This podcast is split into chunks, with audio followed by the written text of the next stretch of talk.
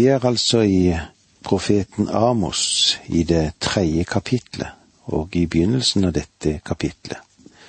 Og det vi vil legge merke til her, er at Herrens ord, det går i oppfyllelse. Og jo nærmere tilknytning vi har til Gud, jo mer vil Han ransake og tukte oss. Det er slik. Guds barns synder, som kanskje ikke virker så store, blir refset hardt av den himmelske Far. Han elsker jo barna sine altfor høyt til at de skal skades for evig. Det er fordi Gud elsker oss at han så raskt avslører de minste sykdomssymptomene som vi måtte ha. Vi må være enige om at Gud vil oss det beste. Han ser alvorlig på syndene, og det er behov for renselse, og at det er håp òg for vår gamle natur, og at verden trenger både vår sympati og våre ofre. Derfor må vi vandre med Gud slik som Enok vandret med Gud. Den sjelen som er rett med ham, vil stadig være på vakt, som når en reisende hører løven brøle i krattet. Vær på vakt, du vet ikke timen. La oss eh, se litt videre på disse tingene vi videre skal samles om i dag. I vers to i Amos tre. Bare dere vil jeg kjennes ved blant alle folk på jorden. Derfor krever jeg dere til regnskap for alle syndene dere har gjort.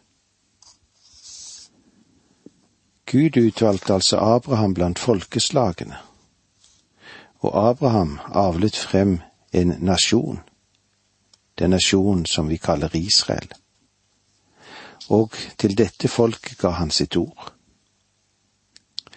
Hans målsetting var at dette folket skulle formidle hans ord til hele verden. Og det er også Guds målsetting for oss alle sammen, vi som lever i dag. Vi skal være med og formidle Hans ord til hele verden. Og derfor prøver jeg å formidle Guds råd. Jeg forsøker det slik iallfall at vi skal prøve å gå gjennom alle de 66 bøkene på alle måter som jeg kan ut ifra den bibel som vi har fått. Derfor krever jeg dere til regnskap for alle syndene dere har gjort. Gud sier, Jeg ser nødvendigheten av å dømme dere. Folket i Israel, de hadde en, et enestående forhold og fellesskap med Gud.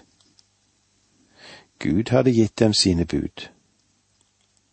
Årsaken til at han dømmer Israel så sterkt, er at, han, at de har brutt så mange av de forordninger som han ga til dem. La meg igjen få lov å understreke at lys, det skaper ansvar. Et opplyst folk, de har et mye, mye større ansvar enn et folk som lever i mørket og det er et stort prinsipp som Gud nedfeller her. Han har en hardere dom for dem som har tatt imot lyset, enn for de som ennå lever i mørket. Den Herre Jesus nevnte også at noen ville få færre slag og andre flere slag. Det mennesket som hører Guds ord, har et større ansvar enn det mennesket som ikke har fått høre Guds ord. Derfor ser det ut til at det er forskjellige grader i straffen. Gud gjør det helt klart at han vil dømme dem for deres ondskap. Mange mennesker ønsker i dag å høre om Guds kjærlighet. Og Guds kjærlighet, ja, hva med den? Jo, Guds kjærlighet, den er vidunderlig og jeg blir aldri trett av å understreke denne veldige sannhet som gjelder oss alle sammen på denne kloden, at Gud er kjærlig. Og eh, det er noe vi må hvile i det og fryde oss over. Guds kjærlighet finner jo sitt sterkeste uttrykk i Jesu Kristi kors. Kan du tenke noe større? Kjærlighet. Tenk, så høyt har Gud elsket verden, at han ga sin enbårne sønn. Han ga oss sin enbårne sønn. Hva er korset? Jo, korset er det store krysningspunktet der Gud åpenbarte seg i sin kjærlighet. Og når denne kjærligheten blir fornektet, så står det ikke noe annet tilbake enn dom. Mange mennesker mener at Gud ikke burde straffe siden det ikke er de som styrer universet. Jeg tror at deres synspunkter ikke vil bli fulgt. Gud har allerede sagt at han er hellig, rettferdig, og at hevnen hører ham til. Dom over synd er en logisk konsekvens av dette. Faktisk er det mange spørsmål som blir stilt, og som må besvares, og som klargjør at profeten Amos virkelig trekker logiske slutninger. Han tar jo for seg visse grunnleggende sannheter.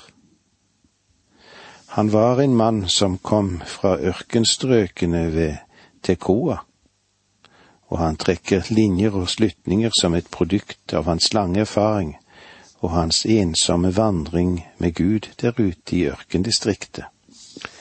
Han henter sine illustrasjoner fra naturens verden. Han lærte mye som også dagens mennesker trenger å lære. Ja, vi er ikke fullt utlært enda. Det er jo forunderlig mange ganger når vi ser småbarna og eh, deres forhold til melken. De tror jo at melken kommer fra en butikk, og så kommer melken fra en ku. Det er vanskelig å forstå dersom det ikke blir forklart og fortalt hvordan det er. Melken blir produsert av et dyr, ikke av en maskin. Vel, dette vi var innom nå med Amos kommer fra et landdistrikt og han kjenner jo naturen veldig godt, noe byfolket visste lite om. Legg nå merke til det første spørsmålet som kommer i vers tre.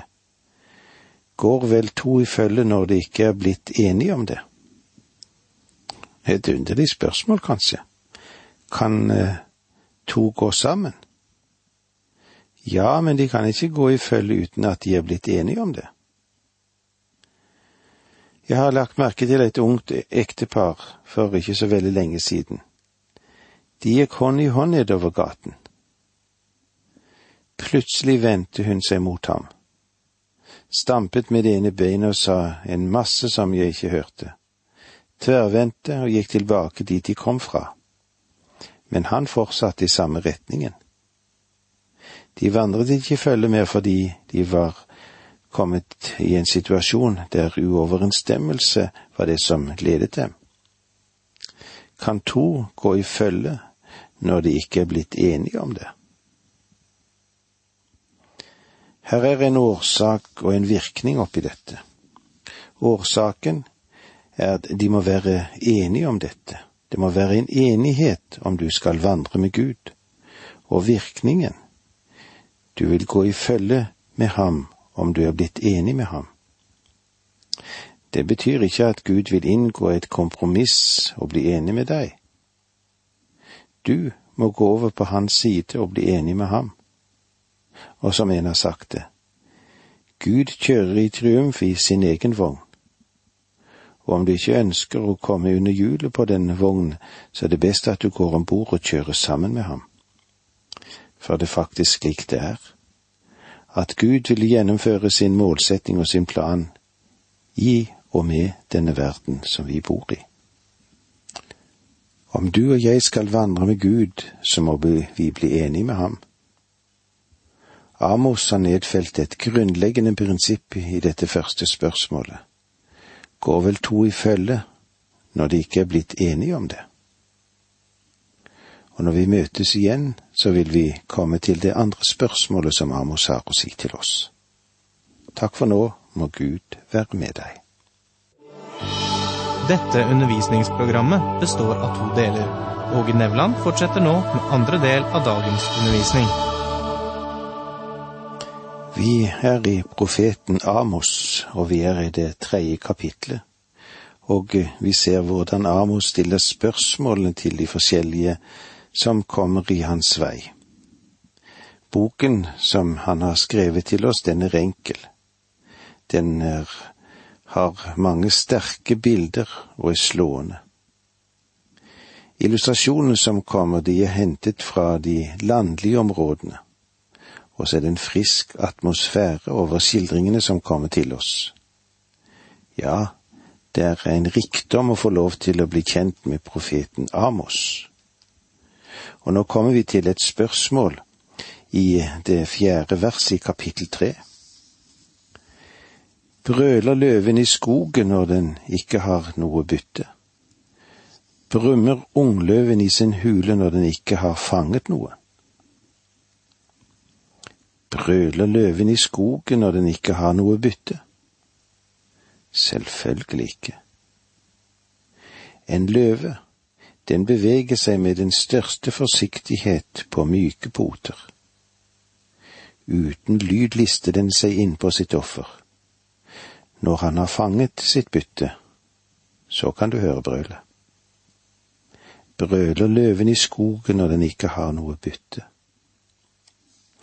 Brummer ungløven i sin hule når den ikke har fanget noe? Nei. Den lille løveungen er helt lydløs, for mammaen har fortalt ham at han skal holde seg stille mens hun er borte og fanger noe som han kan ete. Men når hun kommer tilbake med kveldsmåltidet, da kan du høre brølet, men ikke før det. Du forstår at det er alltid en årsak og en virkning.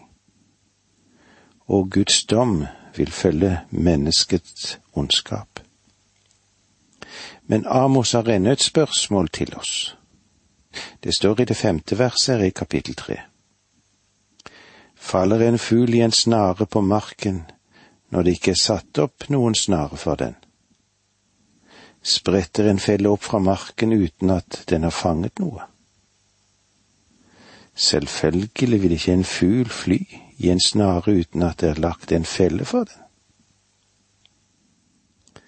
Da jeg var liten gutt, hadde jeg en ertesyk onkel som sa at hvis jeg bare fikk, fikk eh, lagt litt salt på halen til en fugl, så kunne jeg fange den. Jeg sprang over haug og hammer for å få drysset litt salt på en av de mange småfuglene, men det gikk ikke. Det gikk snart opp for meg at jeg var blitt lurt, og at jeg ikke kunne fange en fugl uten en snare eller en felle.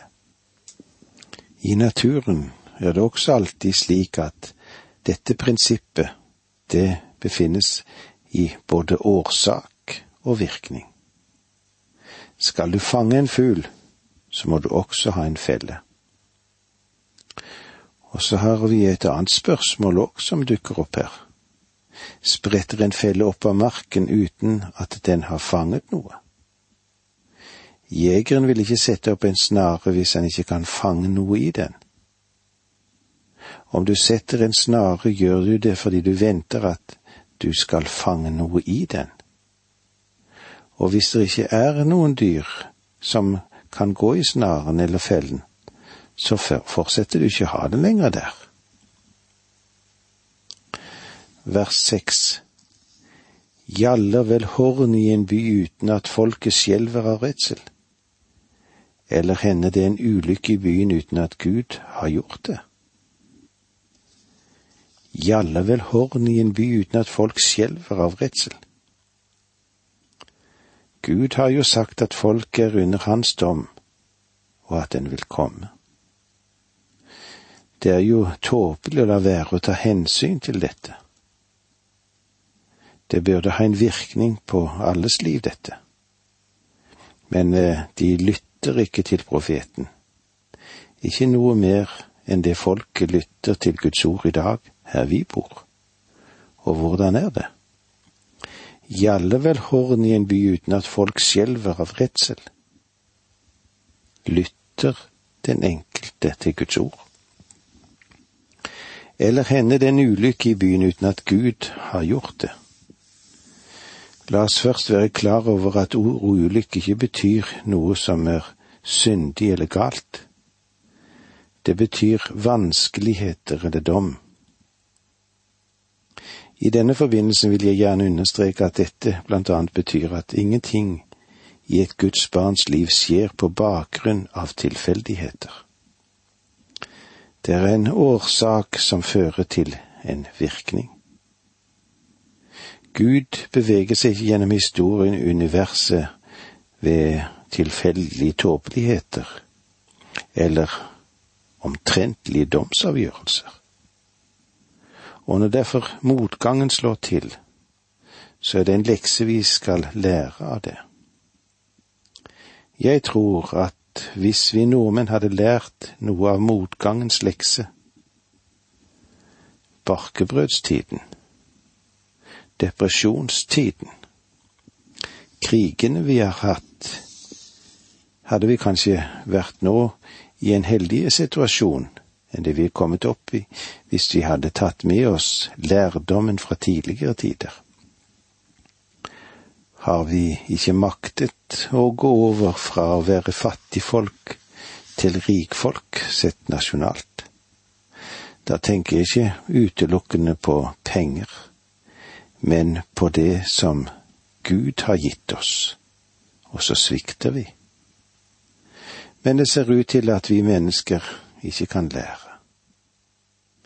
Dette forteller oss at Gud ikke vil la en nasjon bo i fred og velstand, når den har kommet i den situasjonen at den er sunket ned i synd. Visst kan vi ha perioder med fred og fremgang, men eh, dommen, den vil komme.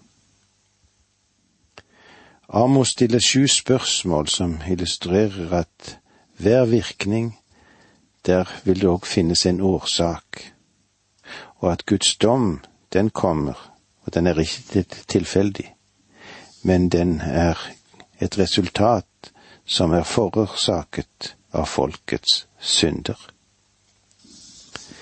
Vi leser i vers syv her i kapittel tre. For Herren gjør ikke noe uten at Han har åpenbart sitt råd for sine tjenere, profetene. Amos sier at Gud ikke vil gå frem til dom før han har formidlet sitt budskap og sin nådeanledning gjennom profetene. Han vil la dem få vite hva han har til hensikt å gjøre. Vi leser vers åtte. Når løven brøler, hvem må ikke da bli redd? Når Herren Gud har talt, hvem må ikke da profitere? Profetene forkynte Guds budskap for Israel. Problemet i vår tid er ikke at folk ikke har Guds ord. Problemet er at de ikke vil lytte til dette ordet som er fra Gud. Hans advarsel, den er nedfelt i Hans ord. Jeg føler at Bibelen er mer i takt med livet enn morgendagens aviser er. Guds ord vil være like godt dagen etter, dagen deretter og dagen deretter, ja, helt til tidenes ende. Guds ord vil være like godt alltid. Det har alltid vært Guds metode åpenbare for dem som er hans egne, og gir informasjoner angående de tingene som kommer, de fremtidige dommer. Du husker at under Noas tid fortalte Gud ham at storflommen som skulle komme, og så ga han noe av hvor mange år til å bekjentgjøre dette? Jo, 120 år til å advare sin samtid. Men verden, hva med den? Den tok ikke hensyn til Noah sitt budskap. Husk også at Gud lot Abraham kjenne en god tid før eh, dette som skjedde med ødeleggelsen i Sodoma og Gomorra. Og det er bra at han gjorde det, for om han ikke hadde gitt Abraham sin venn nødvendige informasjoner, så ville Abrahams syn på den allmektige Gud vært feil. Det har alltid vært Guds metode å åpenbare slike ting for sine egne. Da Gud var her nede i kjød, så sa han til sine disipler. Jeg kaller dere ikke lenger tjenere, for tjeneren vet ikke hva Hans Herre gjør. Jeg kaller dere venner, for jeg har sagt dere alt jeg har hørt av min far, som det står i Johannes 15, 15. Og det er mange eksempler på dette gjennom hele Bibelen. Han ga et forvarsel til Josef i Egypt om de syv årene med hungerskatastrofer som skulle komme over jorden. Elia fikk også et forvarsel om at tørken som ville komme over Israel. Han sto fram ved Akabs og Jesabels hoff for å profetere for dem om den tørkekatastrofen som ventet folket. Så sant Herren Israels Gud lever, Han som jeg tjener, de første årene skal det verken komme dugg eller regn uten på mitt bord. Så marsjerte han ut fra kongens slott og forsvant i mer enn tre år. Siden det er Guds metode å advare før den kommende dom, så sa Herren til sine disipler da de var samlet på Oljeberget, at Jerusalem skulle ødelegges. Sten skulle ikke levnes på sten. Og med disse ordene sier vi takk for nå, må Gud være med deg.